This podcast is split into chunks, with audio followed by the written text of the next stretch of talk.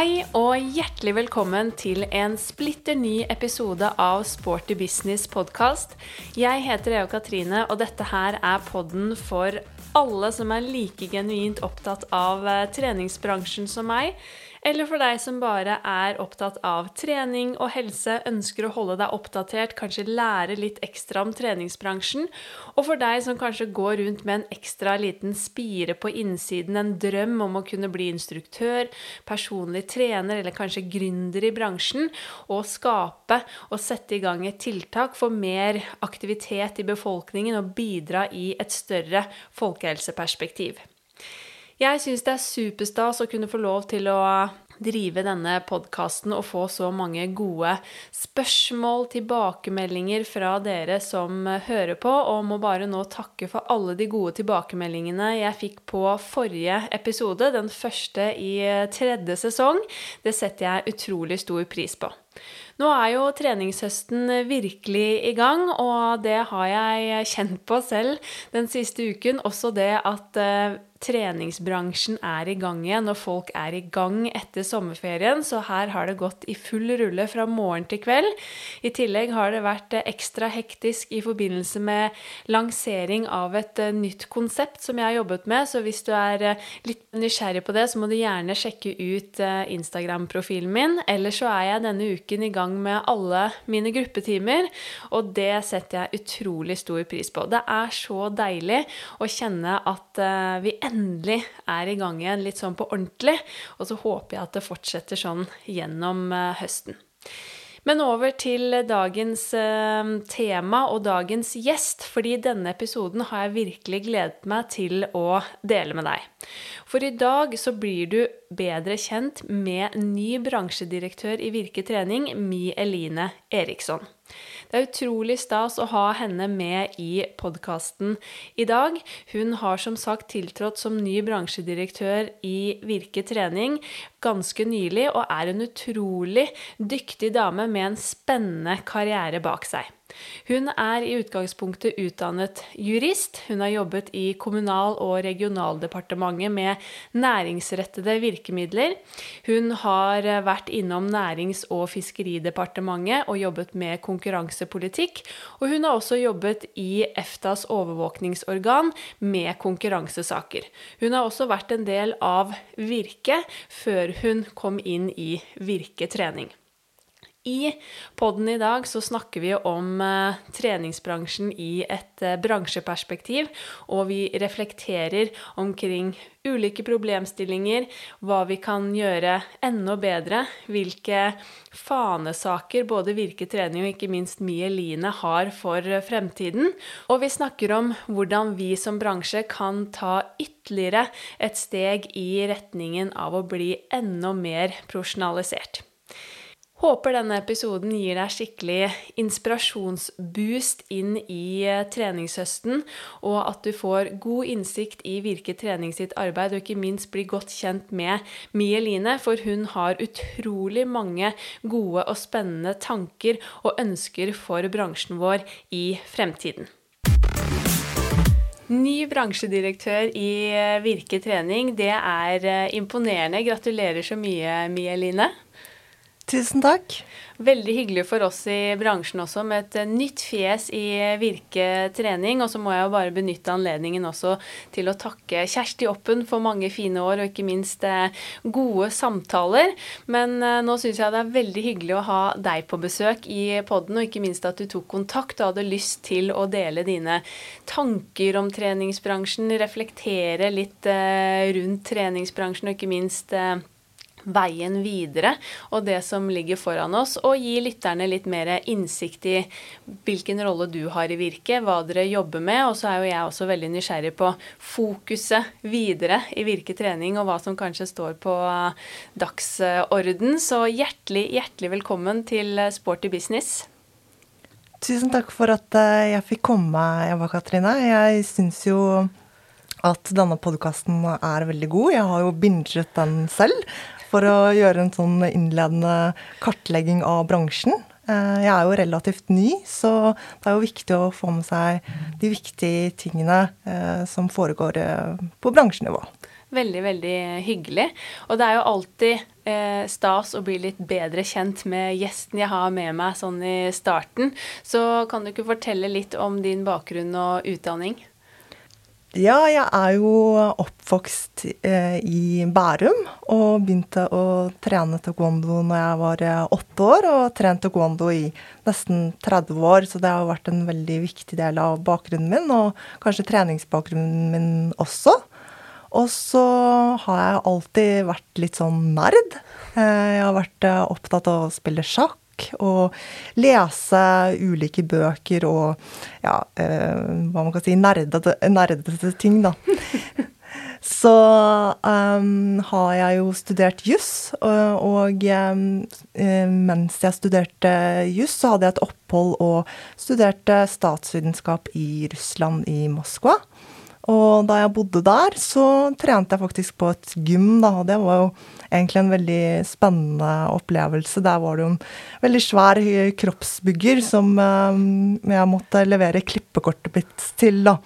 Og de hadde litt sånn uh, ikke så veldig bra utstyr, men jeg fikk jo trent der også. Så det var jo spennende. Og så fullførte jeg jusstudiet, og ble egentlig da en eh, byråkrat. Og jobbet i departementene i mange år. Eh, begynte i Kommunal- og moderniseringsdepartementet. Og gikk videre til Nærings- og fiskeridepartementet og jobbet mye med konkurransepolitikk der. Og så har jeg vært i ESA og jobbet med konkurransesaker der, og bodde i Belgia sammen med familien et år. Og det var jo veldig givende, det òg. Spennende. Og så havnet du til slutt i Virke trening. Eller du har vært i Virke tidligere? Ja, jeg har eh, vært i Virke litt over et år nå. Eh, og da jobbet jeg i eh, næringspolitisk og arbeidsgiverpolitisk avdeling.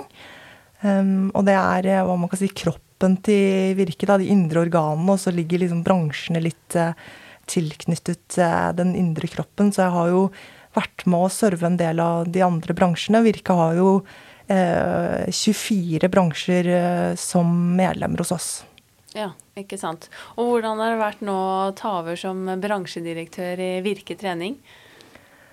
Nei, jeg må jo si at det har vært eh, veldig utfordrende og spennende sånn eh, arbeidsmessig. Men så har jeg jo også eh, syns det har vært eh, Eh, vanskelig, fordi at eh, man forstår hvor eh, hvilken situasjon veldig mange har stått i. Og det har vært veldig mange gode, men også hva man kan si, følelsesmessige samtaler med medlemmene våre. Vi har måttet hjelpe dem, og spesielt kanskje de som er i SMB-segmentet, har kjent denne pandemien veldig godt på, på kropp og sjel. da. Eh, så det er jo en mye grundigere forståelse av hvordan det er å være selvstendig næringsdrivende og faktisk virkelig brenne for den virksomheten som man driver. Mm, ja. Det skjønner jeg. Det har jo vært eh, virkelig tøft for treningsbransjen denne perioden vi har vært eh, igjennom. Og det er så tragisk når du hører om sånne historier med folk som har eh, ja, står på randen til å miste livsverket sitt, eller sentre som faktisk ikke har klart seg gjennom denne tiden. Så det, det er utrolig leit for bransjen vår. Men eh, hvordan er ditt eget sånn, forhold til treningsbransjen? da? Du nevnte jo at du har trent eh, taekwondo, så var du innom en liten gym i Moskva. Men eh, treningsbransjen bransjen i Norge? Nei, jeg har jo vært eh, en kunde i hva man kan si 22 år, kanskje. Eh, jeg har jo hele tiden hatt et medlemskap et eller annet sted, og vært storkonsument også av personlige trenertimer. Så jeg kjenner jo bransjen fra hva man kan si forbrukersiden, da. Eh, både på godt og vondt. Men jeg mener jo helt genuint at treningsbransjen som sådan er med på å skape ekstremt mange verdier i det norske samfunnet. Um, og jeg syns at uh, pandemien nå har vist at kanskje bransjen ikke har blitt verdsatt og uh, sett på som den egentlig fortjener. Mm, veldig enig. Men hva vil du si er det beste med jobben i Virke trening så langt, da? Eller å nå virkelig på en måte blitt en eh, del av eh, det jeg selvfølgelig alltid kaller verdens beste bransje, nemlig treningsbransjen? Ja, det må jo være mm, både hvordan vi Virke internt har eh, jobbet mot bransjen, og så er det jo selvfølgelig de fantastiske menneskene som sitter i styret i Virke trening. De sitter der på frivillig basis og gjør ekstremt mye godt arbeid for bransjen. Og ærlig sett så har jeg har læringskurven vært eh, relativt bratt. Men eh, det er mennesker som er eh, glad i å prate, glad i å lære bort. Og det har gitt meg ekstremt mye, de som sitter i styret. Så det er jeg veldig takknemlig for. Mm, herlig. Men Virke trening, hvor mange sentre er det som er medlemmer av Virke i dag? Eh, I dag så tror jeg det er rundt 420 eh, sentre. Ja. Mm. Så dere er jo et viktig talerør for eh, mange hundre treningssentre i Norge, og en sentral aktør knyttet til fysisk aktivitet og forebyggende helse. Men jeg tror det fortsatt er mange som syns det er litt sånn uklart hva virketrening er. Og spesielt kanskje vi som jobber som personlige trenere og gruppeinstruktører, vi som er litt mer på gulvet og som ikke sitter i ledelsen og kanskje har mer direkte kontakt med virketrening. Jeg snakket jo med Kjersti Oppen her i første sesong av Sporty business og fikk litt mer innsikt i hva virketrening gjør. Men kan ikke du fortelle lytterne litt eh, hva er det virketrening egentlig gjør, og hva jobber dere med? Ja, Virke trening er jo en del av Virke, som er en hovedorganisasjon. Um, og Virke representerer jo 24 bransjer på overordnet nivå. Um, og det innebærer at vi representerer eiernes interesser på ulike måter. Uh, både politisk uh, og på andre interesseområder. Og så driver vi aktivt med rådgivning, eh, spesielt innenfor arbeidsrett, eh, kompetanse eh, som bedriftene trenger med tanke på økonomistyring, ledelse, hvordan f.eks. skape en god organisasjonsstruktur og kultur. Sånn at Virke trening er jo en del av det hva man kan si maskineriet eller helheten. Ehm, det vi gjør eh, overfor treningssentrene, det er jo da å representere eiernes interesser f.eks. opp imot eh, myndighetene, kommunene, men det kan også være opp imot andre næringsliv. Um, og så selvfølgelig uh, bidra til at uh, det er lønnsomt å drive virksomheten sin. Um, det er jo ekstremt viktig. Mm. Jeg har faktisk fått en del eh, spørsmål også fra nyutdannede instruktører som har lurt på f.eks. lønn, hva de skal forhandle frem når de blir ansatt ved et eh, senter, eller folk som er nye i bransjen generelt, som også har spurt meg sånn Finnes det ikke noen fagforening for oss eh, i treningsbransjen eller for instruktører? Og vi har jo dessverre ikke det. Hva vil du si er det liksom store fordeler, ulemper med at vi ikke har det? Kan eventuelt enkeltpersoner også ta kontakt med dere i Virke og få eventuelt hjelp til ulike problemstillinger? I utgangspunktet så, så, representerer jo Virke eiersiden og arbeidsgiversiden, da. Så har du jo hva man kan si de klassiske tilfellene der hvor du ser arbeidsgiversiden opp imot uh, arbeidstakersiden. Um, og så er jeg jo helt uh, enig med deg i at det har vært litt uh, Eh, hva man kan si, uklart for noen hva, hvilken rolle Virke har. Vi har fått ekstremt mye henvendelser eh, fra personlige trenere og andre. Eh, men de er jo, sånn som vi ser det, enten ansatte eller kontraherende parter med virksomhetene. Mm. Eh, så de kan vi eh, dessverre ikke bistå direkte.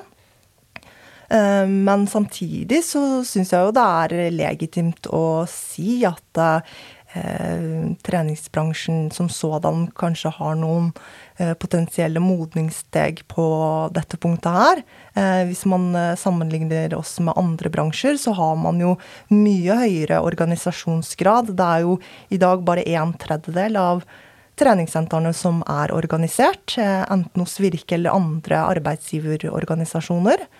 Og så ser vi da at eh, man ikke har eh, organisert seg på arbeidstakersiden i samme grad som f.eks. Eh, ja, frisører eller andre, andre, litt sammenlignbare tjenesteområder, da.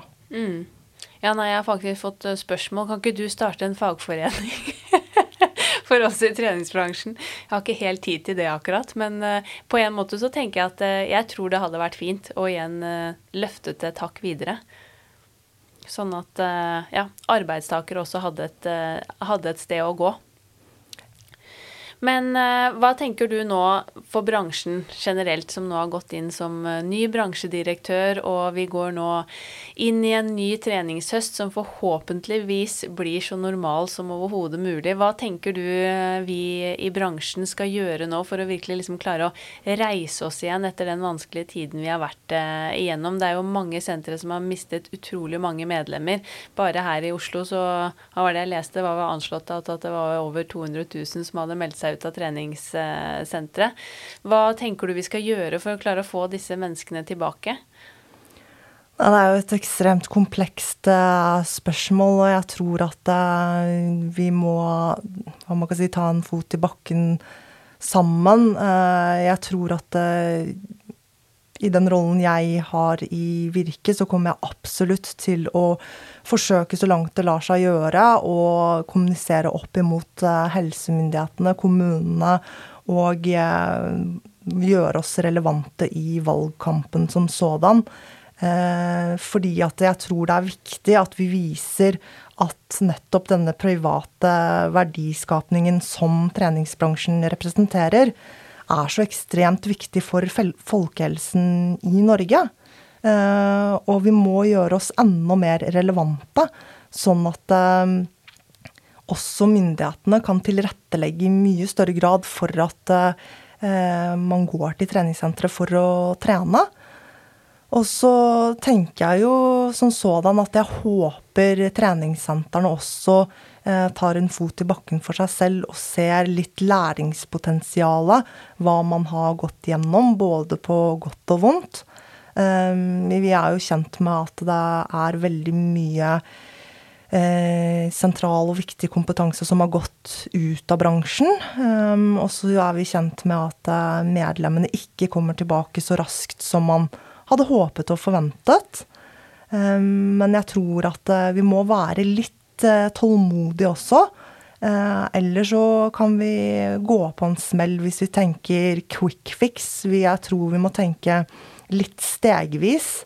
Og så har vi rett og slett en uh, enorm utfordring med tanke på at det er mange folk nå som har endret treningsrutinene sine og aktivitetsmønstrene sine.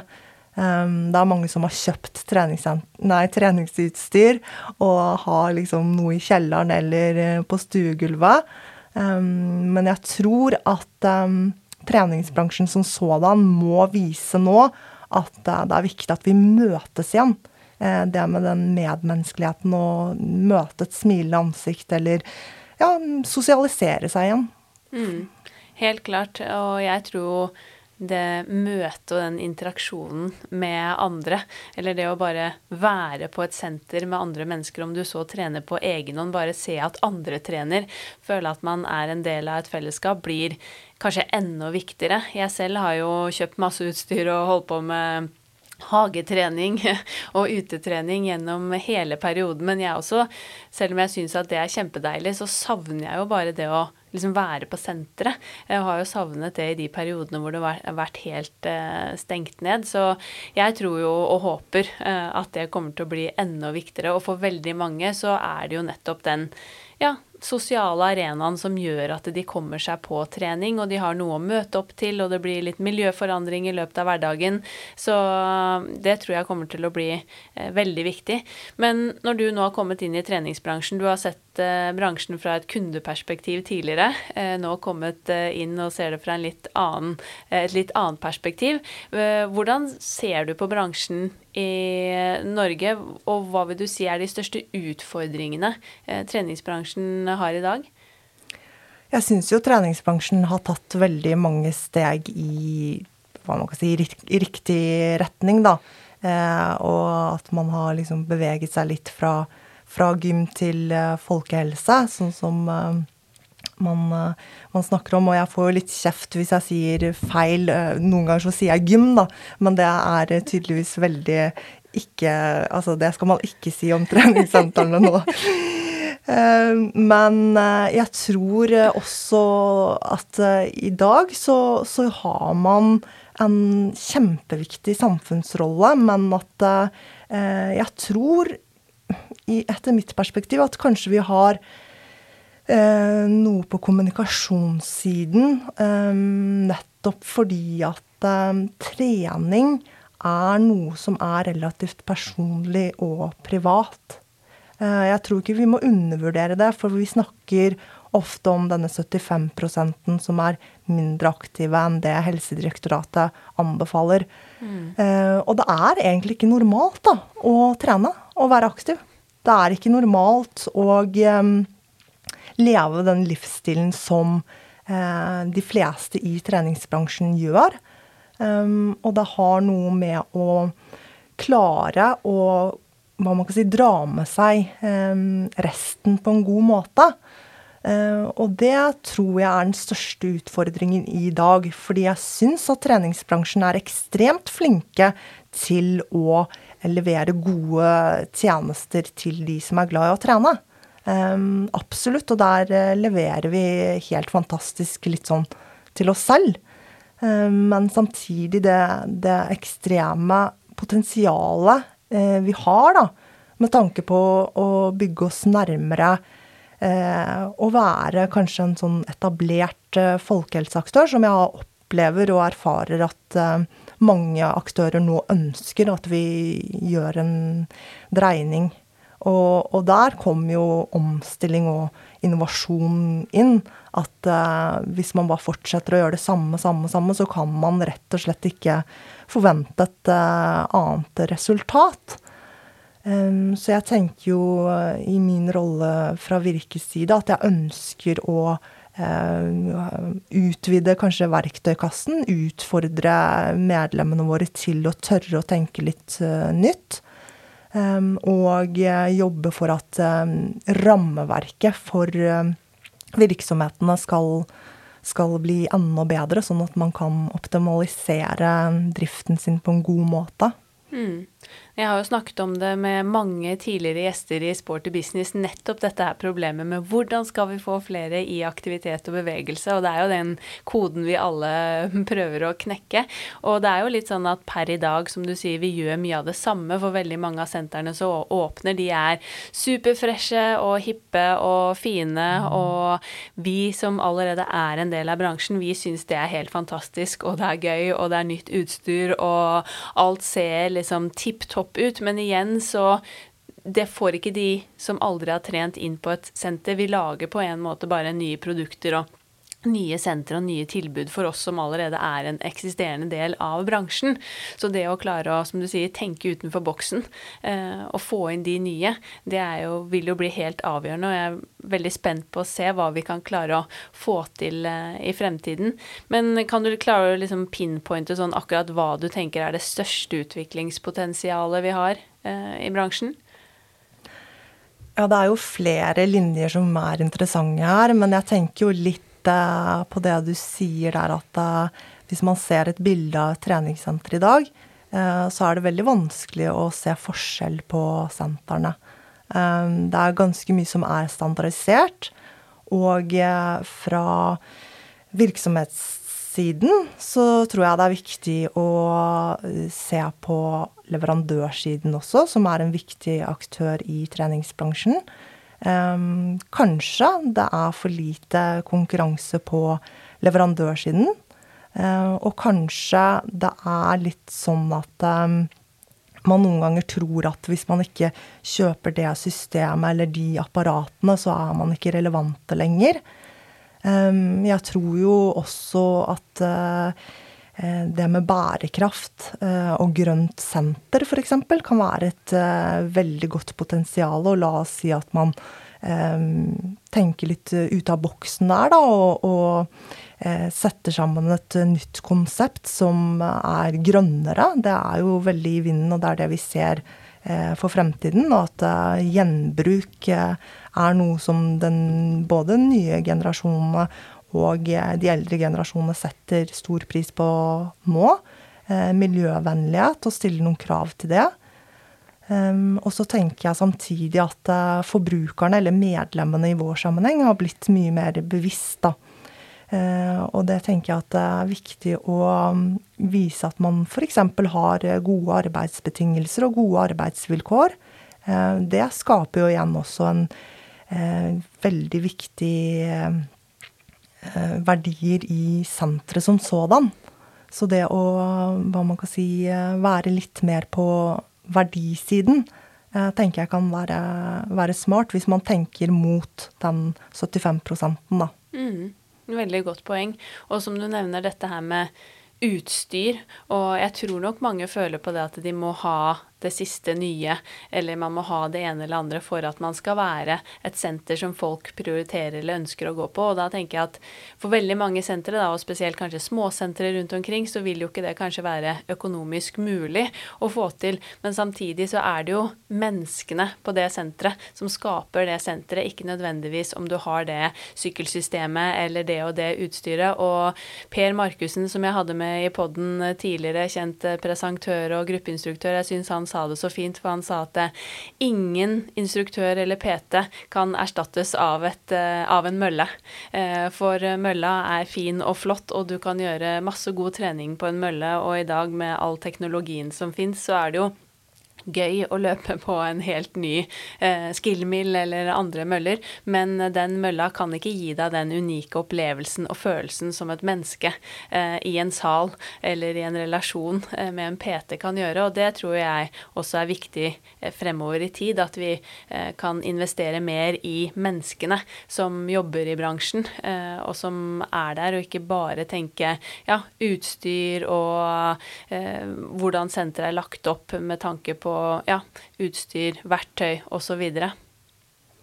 Jeg er helt uh, enig i det. Også fra et mer sånn businessperspektiv, så er det jo kjempeviktig at virksomhetene som sådan er veldig bevisst på hvilke investeringer de gjør, uh, og hva de forventer skal kaste av seg. Og det er jo helt ned til uh, møllenivå. Du foretar en investering, og hvor mye er det du forventer at den mølla skal kaste av seg, kontra en alternativ investering, f.eks.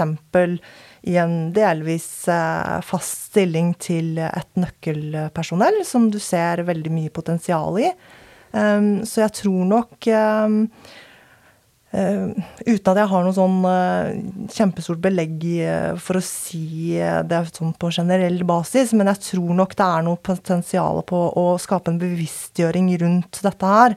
Og spesielt også når det kommer til det med digitalisering osv. Det er jo en industri i seg selv, og jeg tror nok at Veldig mange av virksomhetene eh, har blitt møtt av folk som er ekstremt gode til å selge, og det gjør jeg også på sånn, privaten selv. Eh, jeg er jo avhengig av noen eh, apper, og man blir veldig dratt med, da.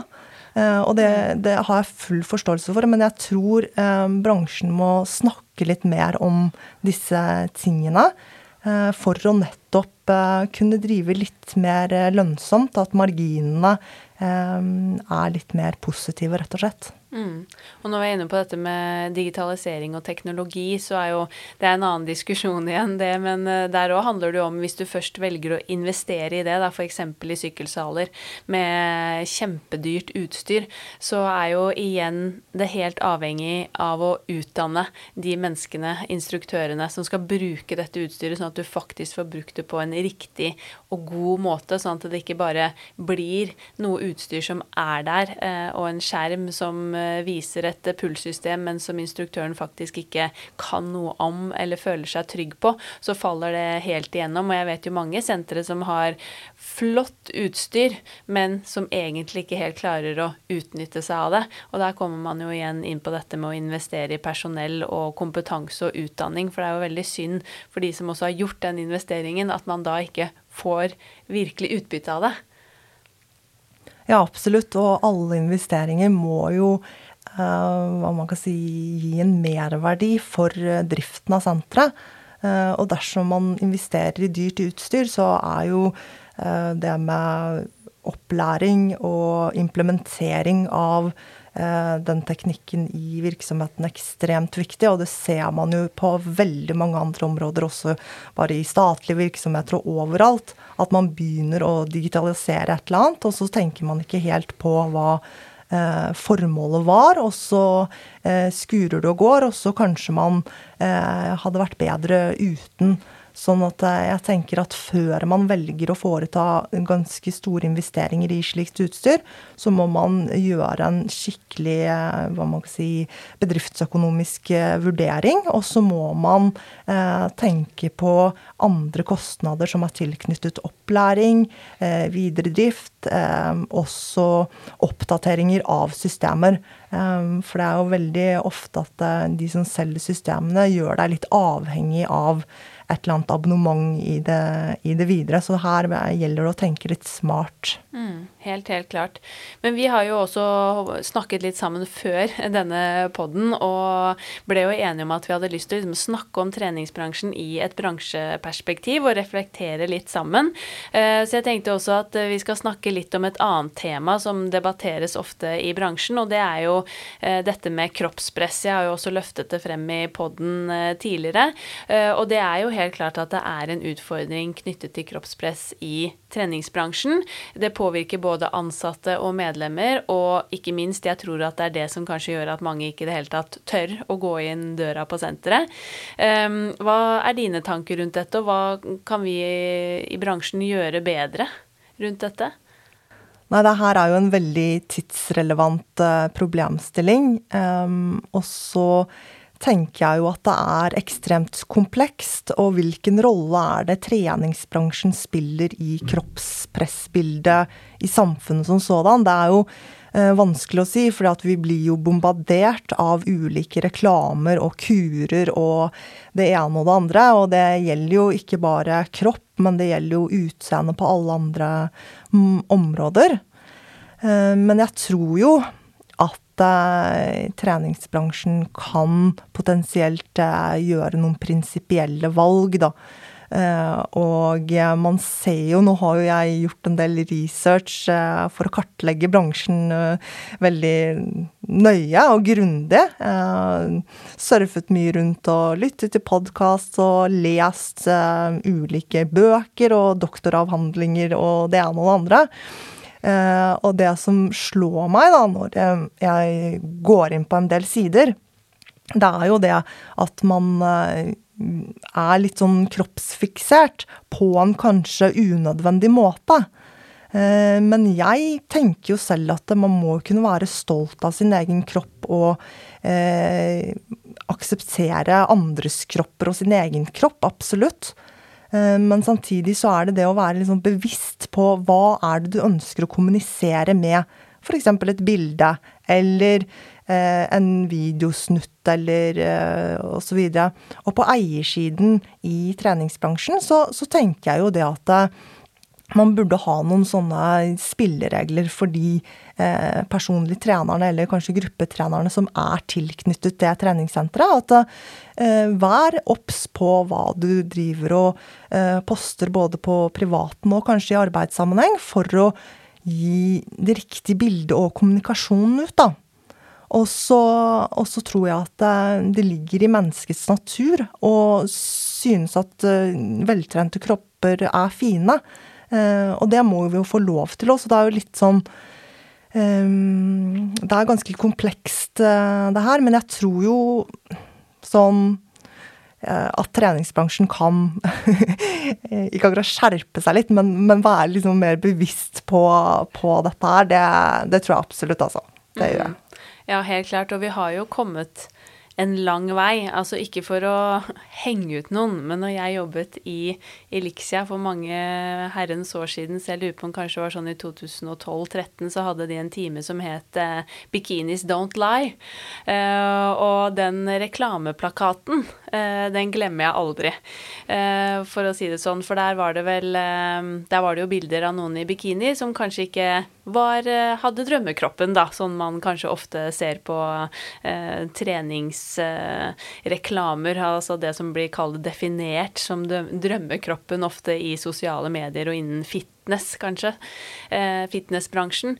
Og vi har jo kommet en lang vei derfra.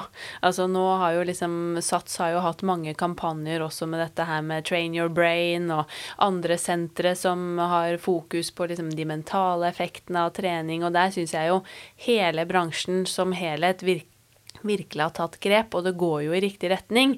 Men det er fortsatt en utfordring, og som du sier, det er ekstremt komplekst. Og som vi har snakket litt om på, også på mail før denne poden, dette her med Vi ønsker å motarbeide kroppspresset, men så har vi en markedsføring også, som, og en kommunikasjon utad, som skal nå frem, og som skal slå an. Og det er jo sånn at veltrente kropper, det er jo det som selger, og det er det som selger i media. Så det er jo en uh, veldig vanskelig del eh, for bransjen. Men eh, hva tenker du sånn uh, ellers, uh, når vi ser på bransjen som helhet, da. Så dette her med prisstruktur. Det er jo også ganske interessant, og det er heller ikke snakket med noen i poden tidligere om. Fordi prisen har jo ikke endret seg så veldig mye de siste årene. Nei, og det er jo noe som jeg reagerte på ganske tidlig da jeg begynte det, min bransjeanalyse det er jo at da, da jeg begynte å trene for uh, kanskje 22 år siden da, på treningssenter, så betalte jeg nesten like mye som jeg gjør, gjør i dag. Og det er jo spesielt. Det er jo rart. Um, og man kan stille mange spørsmålstegn ved hvorfor, da. Og jeg er jo generelt litt opptatt av disse hvorfor-spørsmålene. Um, for jeg tror at det er viktig at uh, man adresserer uh, hvorfor ting er som de er. Og der tror jeg at det er ganske komplekst. Jeg tror nok at uh, man kanskje har kommet inn i et eller annet form for uh, system, eller um, at man har hatt en konkurransevegring med tanke på å prise seg etter kvalitet, da. For hvis du tenker det teoretiske, optimale markedet, så skulle jeg kunne gå ut og så ser jeg prisforskjellene. Og så skulle de ulike aktørene levert kanskje ulikt på kvalitet, da. Sånn at uh, ett senter har veldig høy ansiennitet og kvalitet på gruppeinstruktører, f.eks. Mm. Eller andre er spesialisert på personlige trenere, eller har et spesialisert digitalisert utstyr for de som uh, elsker det. Uh, men det kan ikke avdekkes så godt ved prisen i dag. Um, og det har jo noe med samspill og insentiver. Uh, vi har jo vært litt inne på det tidligere, f.eks. leverandørsiden. Uh, som jeg har inntrykk av uh, har relativt gode marginer, og har hatt en ganske markant dominerende rolle overfor virksomhetene. og det har jo gjort sånn at virksomhetene har kunnet bruke mindre penger på de Eh, både ansatte og kompetanse og kompetanseutvikling. Um, og samtidig så ser vi jo at uh, innen treningsbransjen så er jo f.eks. ikke personlig trener en beskyttet tittel. Du har heller ikke noe beskyttet tittel for gruppeinstruktør, da. Så i morgen kan jo jeg åpne en nettside og selge meg ut som personlig trener. og gruppeinstruktør. Jeg er glad i å danse også. Så, så det har noe med at um, Noen sånne parallelle modningsprosesser. Og så tror jeg det har noe med å tørre å prise etter den kvaliteten man faktisk eh, leverer på. Um, men det er vanskelig å bryte sånne mønstre som oppstår i, i bransjer. Eh, men jeg tror nok at eh, man nødvendigvis ikke får flere medlemmer til å være medlem lenger hvis du driver med sånn prisdumping. Eh, jeg tror at medlemmene skjønner at uh, de faktisk betaler for en viss kvalitet, da. Mm. Så igjen, det er eh, ekstremt uh, komplekst, uh, egentlig. Og så tror jeg at vi må snakke sammen i mye større grad, altså bransjen, egentlig. Altså hvordan man tenker, og mer markedsstrategi på et makronivå, egentlig. Ja, og når man snakker også om lønninger, så er det jo også enorme forskjeller i bransjen. Eh, jeg har jo en drøm om at eh, instruktører, som er mitt hjertebarn, eh, kan få lov til å få bedre betalt. Men selvfølgelig, ting skal jo også gå rundt på sentrene. Men at man kunne også lagt til rette for at man i større grad hadde hatt muligheten for å jobbe fulltid i bransjen. For da kan man jo igjen sette høyere krav til kvalitet og utdanning. Så det henger jo også selvfølgelig sammen. Eh, og jeg føler jo at det er litt sånn eh, Både da når det gjelder lønninger eller andre ting, så føler jeg at det fortsatt er litt sånn tilfeldig hva, hvilken praksis man har på de ulike sentrene. Noen har kjempegode rutiner fra alt fra ja, eh, lønnssamtaler med de ansatte hvert eneste år og justering av lønn, og man har gode rutiner på førstehjelp, man har etiske retningslinjer, man har eh, kjempegode rutiner på mange områder. Og så er det andre sentre som verken har timebeskrivelser for timene sine eller eh, noen rutiner for verken eh, førstehjelp eller hva gjør du hvis det skjer en skade på timen din, altså fra et gruppetreningsperspektiv. Så jeg føler jo at det er veldig det er fortsatt ganske sånn tilfeldig eh, hvilke rutiner man har på senteret. Og der håper jo jeg at vi kan komme eh, igjen ta det et steg videre når vi snakker om denne profesjonaliseringen av bransjen. Um, og der tenker jeg jo at vi har mye å lære av andre bransjer. Er det noen du tenker, noen andre bransjer spesielt, som du tenker at vi i treningsbransjen har mye å lære av? Nei, jeg tenker jo i stor grad at um det blir jo litt rart å, å, snakke om disse, men det er innenfor eh, tjenesteområdet. Og det er jo typ f.eks. frisører og servitører og eh, innenfor det segmentet også. Da ser man jo at man har mer i økende grad faglærte. Man har eh, flere som ligger innenfor tariffområdet. Og man ser jo hva man kan si, en modning som har skjedd på de områdene. Men det som jeg syns er spesielt med treningsbransjen også, det er jo at eh, når eh, disse instruktørene, uansett om du jobber i timer eller som personlig trener, når man fyller rundt 30-35, så exiter man, og så skal man finne seg en ordentlig jobb. Eh, og det er bekymringsverdig fordi nettopp de menneskene de har jo da denne eh, sosialkompetansen, de har veldig mye eh, erfaringskompetanse. Eh, og da er de kjempeverdifulle for å bygge virksomheten, kvaliteten og andre ting videre. Um, og derfor så mener jeg det er kjempeviktig at virksomhetene tar blikk og ser litt eh, lenger frem i tid. Um, i et fem-tiårsperspektiv, hvor er det vi ønsker å være da?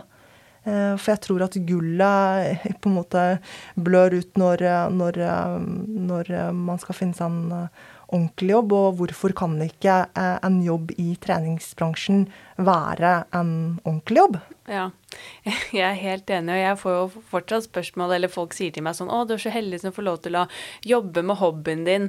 Og så har det jo blitt nesten en litt sånn sjargong blant oss i bransjen nå at vi sier sånn 'Ja, nei, men eh, jeg har ikke noe sånn voksenjobb ennå, da'. Eller 'kanskje jeg skal få meg en voksenjobb'. Eh, så jeg tenker at eh, vi undergraver oss jo selv egentlig også, fordi det har egentlig blitt en sånn greie i bransjen.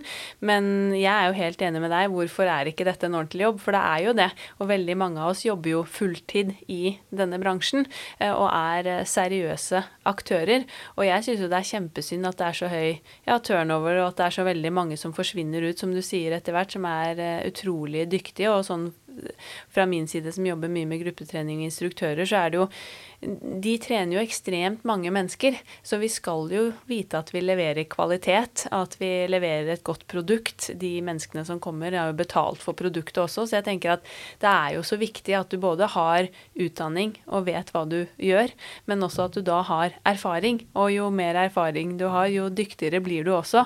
Og det er jo viktig for å kunne tilpasse seg ulike målgrupper, at man også har instruktører i ulike aldre.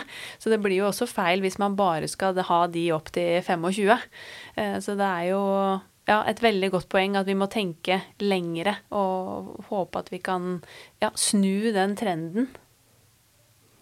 Ja, absolutt. Og så tenker jeg jo det som f.eks. yrke som personlig trener, så er det jo faktisk bare 15 i dag som klarer å leve eh, ordentlig av eh, det yrket. Um, og de lever jo også en hverdag som ikke er kompatibel med familieliv veldig ofte. Det er eh, lange kvelder, og det er helger, og det er eh, veldig mye stress.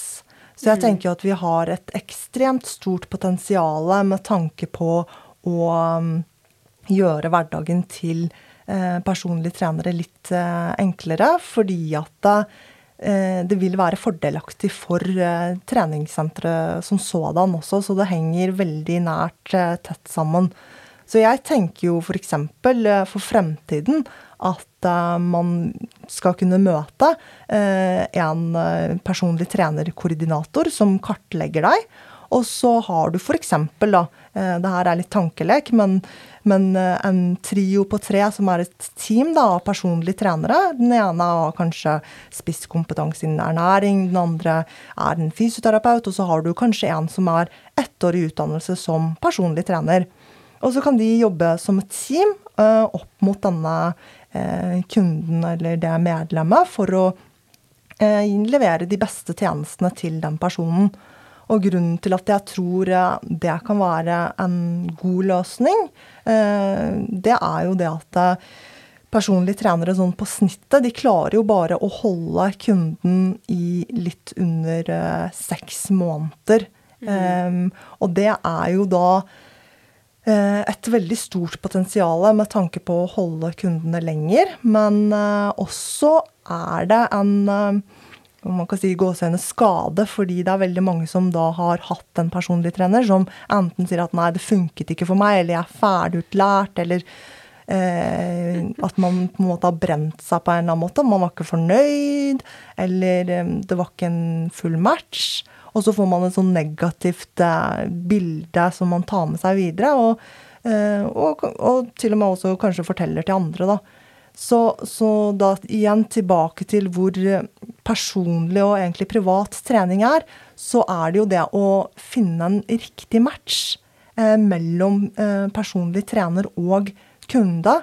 Eh, der kan treningssentrene spille en ekstremt viktig rolle. Eh, og jeg tror at det vil også løfte den totale folkehelsen og um, spisskompetansen til de ulike personlige trenerne.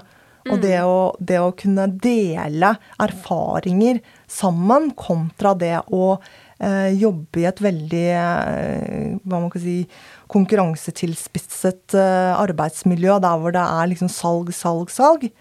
det må være, kan jeg bare tenke meg, er en stressfull hverdag. Um, og så er det som sagt 15 som, som klarer dette, dette kjøret. Og så, så, går de ut av bransjen når de egentlig er sånne personlige trenere som, som jeg gjerne skulle ha der, da. Mm, kjempespennende tanker. Og for uh, alle gruppeinstruktører så håper jeg også at det kunne blitt mulig å leve av det fulltid i større grad. At uh, yogainstruktører har på en eller annen eh, si, merkelig måte klart å jobbe seg opp til et sånn eh, eh, lønnsnivå, vil jeg si, i bransjen. At de får jo ofte bedre betalt, og mange av dem kan leve av å undervise i yoga.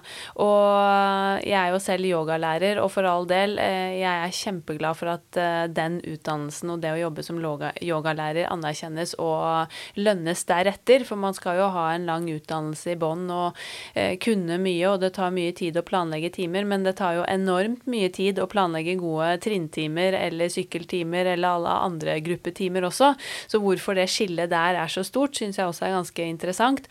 For hvis eh, vanlige gruppeinstruktører som har kalt disse gode, gammeldagse timene i sal, kunne fått like godt betalt, så hadde du jo hatt flere av de som også kunne ha jobbet eh, fulltid. Og kanskje man selvfølgelig i tillegg kunne ha bidratt med noe annet. Man kunne også hatt kurs, workshops eh, på senteret for å fylle en timeplan, og da tror jeg du også hadde fått mange flere dedikerte instruktører som var villige til å, ja, å kunne bruke mye mer tid på det enn de i dag som har en fulltidsjobb, familie og to timer. Så skjønner jeg jo at eh, det er vanskelig å få den kabalen til å gå opp og virkelig liksom legge tid og sjel ned i de eh, gruppetimene. Men du er jo nå så vidt inne på det, sånne ønsker for bransjen videre. Har du noen eh, flere ønsker for bransjen i fremtiden? Nei, det er vel det at man eh, klarer sammen å gå den veien opp imot å etablere seg som den folkehelseaktøren som jeg opplever at bransjen ønsker å være. Eh, og så er det alltid ulike meninger om hvordan man skal komme dit. Og det er, finnes absolutt ikke noe, noe, fasit, men jeg tror nok veien mot profesjonalisering henger sammen med eh, legitimitet eh, og eh, hva man kan si man viser også at hver enkelt virksomhet har orden i sysakene sine med tanke på økonomi, og vi har jo ikke diskutert det veldig inngående her, men det er jo noe med også eh, hvitt arbeid, eh, hvitt senter, rent senter.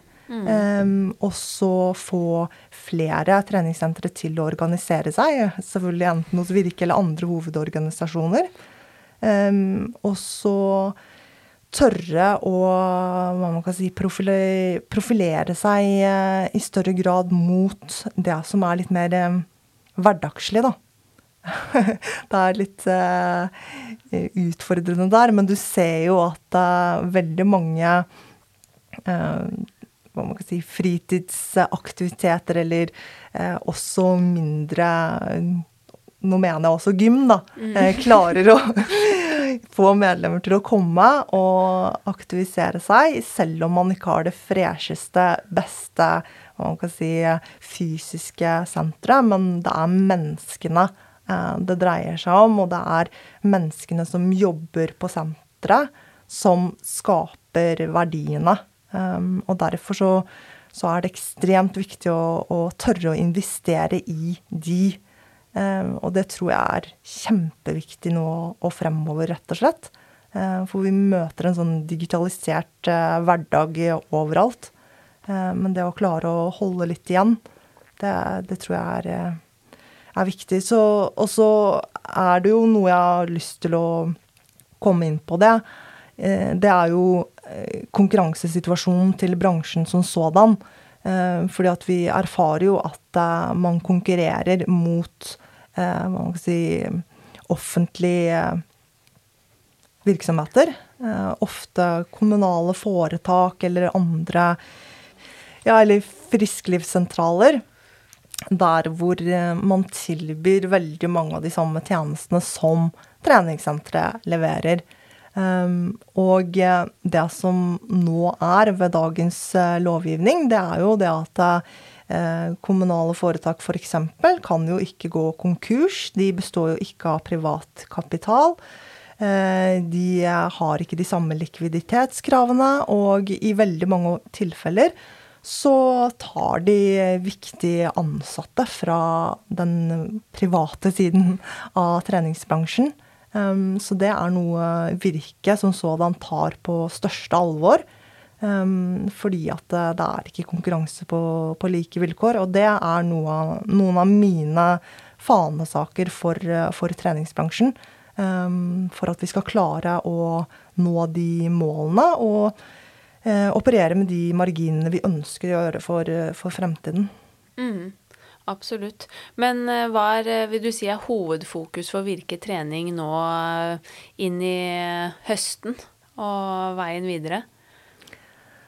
Uh, nei, nå er det jo treningskonferansen for Virke trening som ligger i loopen. Og da har vi jo invitert med Paul Bedford, som er en såkalt guru innenfor fitnessbransjen, og skal Eh, levere og gi oss eh, mye god input. Og så tror jeg at bransjen nå det siste ett og et halvt året har gått gjennom en ekstremt uh, hva må jeg si, vanskelig prosess. Og nå dreier det seg i stor grad om å samle, forsøke å samle bransjen.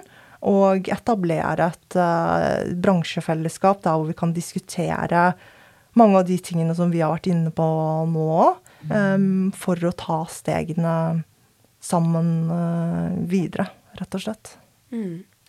Avslutningsvis, hvem kunne du selv eh, ønske deg å høre i eh, podden i den neste, denne sesongen?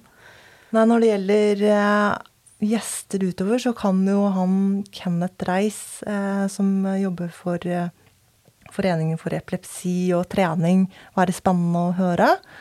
Eller også eventuelt noen fra Mental Helse. Jeg syns jo at uh, den tilknytningen mellom mental helse og uh, fysisk aktivitet, det, det, henger så ekstremt uh, tett sammen. og det er jo hjernen som til syvende og sist bestemmer om man skal gå og trene.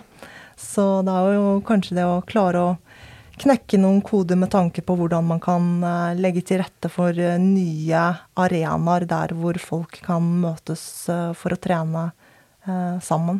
Mm. Veldig godt tips, og ikke minst dette med å fokusere på mental helse, som også ja, bransjen bare må fortsette med i eh, tiden fremover for å få litt eh, bukt med dette crosspresset og forhåpentligvis klare å trekke flere inn til sentrene. Men det har vært en utrolig hyggelig og ikke minst eh, lærerik og interessant samtale. Jeg syns du har veldig mange gode eh, tanker og refleksjoner eh, om bransjen, og ikke minst hva du ønsker for fremtiden og har lyst til å jobbe med. Eh, Bl.a. den ene fanesaken som du nevnte. Så jeg gleder meg veldig til å se, se, deg videre i Virke trening. Så jeg setter utrolig stor pris på at du tok deg tid og hadde lyst til å reflektere og skravle med meg eh, om verdens beste bransje i sporty business. Så tusen hjertelig takk, eh, Mie Line. Ja, tusen takk, eh, Eva Katrine. Og så har jeg lyst til å fremsnakke deg òg. Jeg syns jo den podkasten her er eh, fantastisk bra. Så da må jeg anbefale folk å binge sånn som jeg gjorde. det er veldig hyggelig. Tusen hjertelig, hjertelig takk. Tusen takk for at du lyttet til nok en episode av eh, Sporty business. Det setter jeg utrolig stor pris på. Og som alltid så blir jeg jo veldig glad for eh, meldinger på Instagram, tilbakemeldinger eller eh, en liten rating på podden i iTunes, så gjør veldig gjerne det. Og skulle du ha noen spørsmål eller innspill, så kan du alltid nå oss via vår Instagram-profil at sportybusinesspodkast. Bli også gjerne med i vår egen Facebook-gruppe som heter Sporty Business, eller send meg en mail på info hvis det er noe du ønsker å formidle til oss. Jeg gleder meg allerede nå til en ny episode om eh, to uker. Det er så fantastisk mange flinke og inspirerende folk i denne bransjen som vi er en del av, så jeg gleder meg til å servere disse samtalene med disse dyktige menneskene utover høsten. Ha en strålende, sporty, sprudlende og deilig uke videre. Vi poddes! Denne podkasten produseres av Inspartum Akademi og North Stories.